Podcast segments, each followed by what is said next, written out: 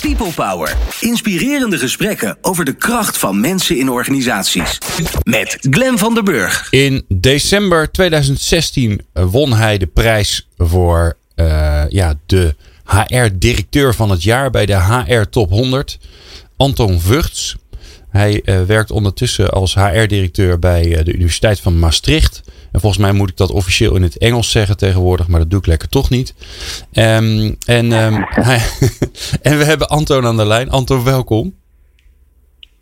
Welkom, dankjewel. Um, Anton, je stond met een groot stuk in, uh, in uh, HR vakblad PW. En uh, daar zat ik doorheen te, te lezen. En toen viel mij iets op. En het lijkt me daar heel leuk om het je, daar met je over te hebben. Daar stond namelijk in: het aanleren van ethiek in het bedrijfsleven is een taak van HR. En toen dacht ik: dat lees ik eigenlijk nooit ergens. Dat hoor ik nooit iemand ergens zeggen. Maar dat, ja, dat is wel een ding natuurlijk. Ethiek in het bedrijfsleven. Daar missen we nu dan nog wel eens wat van. Ja, ik denk dat het een en ander heeft wel te maken, denk ik, ook met de, met de, de moeilijke crisisperiode die veel bedrijven, nou die allemaal zeg maar in, in, in West-Europa, in de wereld al achter de rug hebben. En dan zie je dat eh, bedrijven natuurlijk enorm gaan kijken naar hun kosten en kosten gaan reduceren. En um, in dat soort processen um, wordt HR altijd ingezet. Dan zijn we ineens met z'n allen heel erg nodig en actief. En dan zie je dat toch vaak heel rechtlijnig gedacht wordt van uh, de makkelijkste oplossing is natuurlijk kosten reduceren door mensen eruit te zetten. En um, wat ik zo jammer vind, is dat um, in het HR-vakgebied dan iedereen meteen als bezige bijen aan de slag gaat. Terwijl, ja, het zou natuurlijk leuk zijn als je vanuit het HR-vakgebied gaat zoeken naar zijn er nog geen andere oplossingen. Um, kunnen we het op een creatieve manier anders oplossen dan alleen maar door mensen uh, eruit te zetten. En, um, en een andere oplossing die bedrijven gekozen hebben, is mensen eruit zetten en dan weer terug inhuren als ZZP'er. Natuurlijk heel oneigenlijk is. En staatssecretaris Liebes probeert daar met zijn DBA wat aan te doen. Maar ja, dat is toch wel een heel erg uh, lastige wet, denk ik. Ik denk niet dat die op, uh, na de kabinetsformatie nog zal uh, overleven, die wet. Maar, maar um, ja, wat vind je daar nou van HR-mens? Um, en dat is eigenlijk een, onderwerp van als ik het heb over ethiek. Kijk, je ziet toch um, dat HR-mensen vaak uh, zich als handlanger van het management opstellen. En heel vroeger waren het de handlangers van de medewerkers, hè, personeelszorg. Um, uh, ondertussen is toch wel het besef gekomen, je moet toch wel businesspartner zijn. Maar ik zeg altijd, businesspartner is niet handlanger zijn van de manager of van het management. Is toch een autonome positie proberen in te nemen. Um, en daar zelfstandig um, oplossingen in aan te dragen. En uh, dan wordt het vaak te gemakkelijk meegeveerd in, uh, we maar, ingrijpen. En ja, en dan denk ik van, ja, ook in de gaten moeten houden of dat nou wel een juiste beweging is, ook op langere termijn. En je ziet dat bedrijven ook uh, mensen eruit gezet hebben in de crisistijd en zich daarmee in hun welzijn gaan stijgen, dat ze een aantal opdrachten of projecten niet meer aankomen. Weet je, dan moet je weer hals over kop al die mensen die eruit gezet hebt als weer gaan terug inhuren. Los van ja, het, het wispelturige karakter daarvan, mag je, vind ik, als HR-mens ook wel eens een keer met de bel rammelen van wat zijn we nou eigenlijk aan het doen? Ja, en, en proberen eens wat meer naar langere termijnen te kijken en proberen eens te zoeken naar uh, of het op een andere manier kan. Ja. En ik heb vorige keer in het interview bij jou ook gezegd van als je kosten wil reduceren kun je mensen uitzetten. Je kunt ook uh, mensen die bij je werken vragen of ze tijdelijk arbeidsvoorwaarden uh, willen inleveren. Dat is een hele moeilijke stap in Nederland. Hè, vakbonden zijn daar pertinent tegen. Ja, het is wel wat die ook kan, weet je, en die ook, ja, die heeft ook laten zien dat het kan werken. En dat is dus niet alleen dat je met een creatieve oplossing, maar dat je ook toch iets meer nadenkt van, is dit nu wel een juiste beweging? He, kun je het maken om mensen die loyaal zijn naar jou geweest, uh, jouw bedrijf, uh, om die er dan, omdat het allemaal tegen zit, eruit jassen en kun je dat niet op een creatievere manier oplossen. Zo bedoel ik eigenlijk ethiek. Uh, zo de portefeuille van uh, mensen moeten zitten. Ja, en, en, en, zeker als je kijkt, hè, veel organisaties zeggen uh, onze mensen, hè, dat is ons belangrijkste kapitaal, ons belangrijkste asset. Daarin onderscheiden wij ons van anderen. Uh, nou ja, uh, de reflex Uh, personeelskosten zijn onze belangrijkste kosten. Dus als het minder met ons gaat, dan gaan we maar gelijk hakken en zagen. Ja, dat is natuurlijk een, een rare reflex. En, en, en zeker nu. Tenminste, ik weet niet wat jij, uh, wat jij hoort en of dat in, het, in het Limburgse ook al zover is.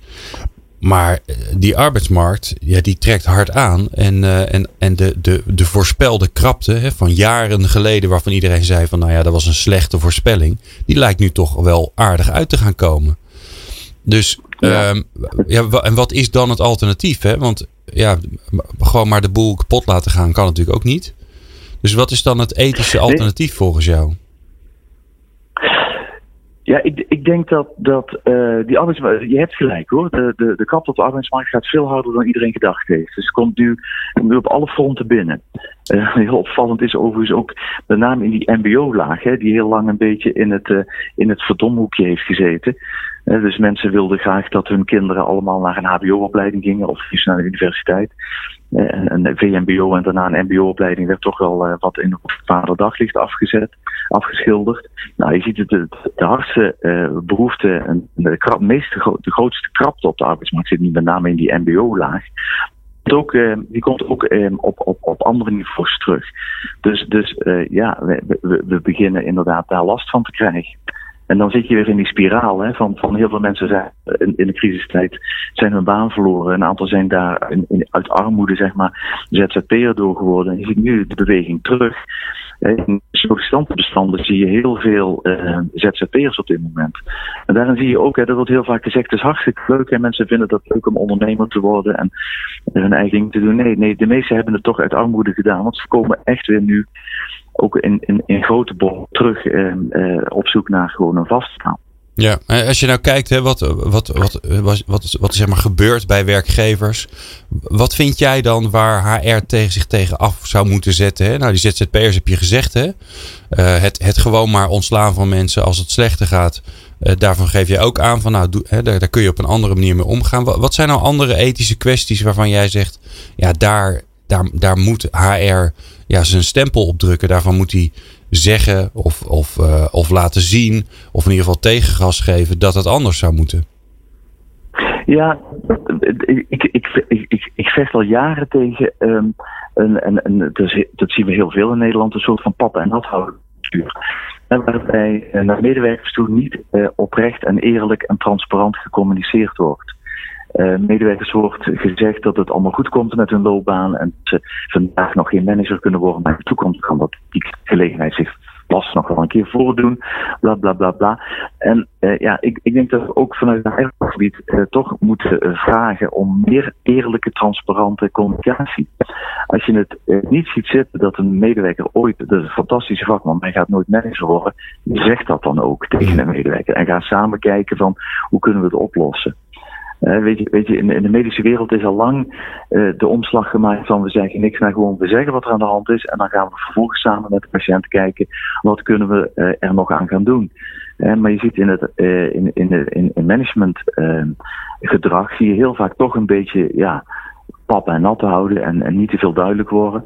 Ik denk dat eerlijk en duidelijke communicatie naar medewerkers um, iets waar je ook als HR-mens voor moet strijden. En waarom gebeurt dat dan niet, Anton? Lang, maar niet gebeurt, nou ja, ik, ik, ik, ik zeg altijd, als je, als je, je, kwali als je kwaliteit levert uh, op je werk en je doet goed je best, dan, dan weet je één ding zeker, uh, dan blijf je zitten waar je zit. Want dan is eigenlijk niemand gebaat met jou in beweging brengen. Nee, want wie is er dan gebaat met een, een fantastische vakman in je afdeling gaan stimuleren om eens een keer wat anders te doen? Uh, dus dus uh, mensen moeten daarin, denk ik, geëmpowerd worden om meer voor zichzelf op te komen. Dat vind ik ook een rol voor HR. En managers zullen we toch moeten, moeten leren om veel eerlijker te communiceren naar hun medewerkers.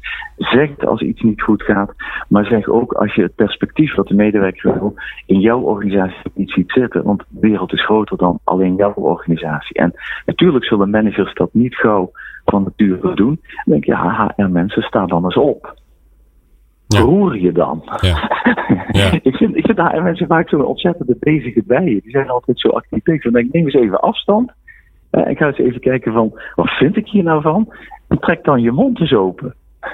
ja. En als je nou kijkt naar je eigen praktijk, hè, Anton? Want jij zegt eigenlijk van nou, HR pak meer de rol van ja, van, van die ethische kant. ben het met dingen niet eens. Kaart ze aan. zeg dat je dat niet oké vindt. hoe, hoe doe jij dat nou zelf hè? In, in, jouw dagelijkse praktijk? Wat, als ik jou zou volgen, wat zou ik jou dan zien doen als er zoiets gebeurt waarvan jij denkt van ja, maar dit past niet? Weet je, ik denk dat ik, dat ik toch wel iemand ben die vaak de barricades opzoekt. Die toch ook wel vaak um, zich roert. En uh, dat wordt je lang niet altijd in dank afgenomen. Dus ja, en dan moet je toch door durven gaan. Um, en, als er dan een grens komt aan jouw, zeg maar, jouw uh, relatie met die werkgever waar je uiteindelijk er niet doorheen komt, ga dan weg. Ga naar een andere organisatie. Weet je, beweeg. En, en, en, en, en laat, je niet, um, laat je niet ondersneeuwen.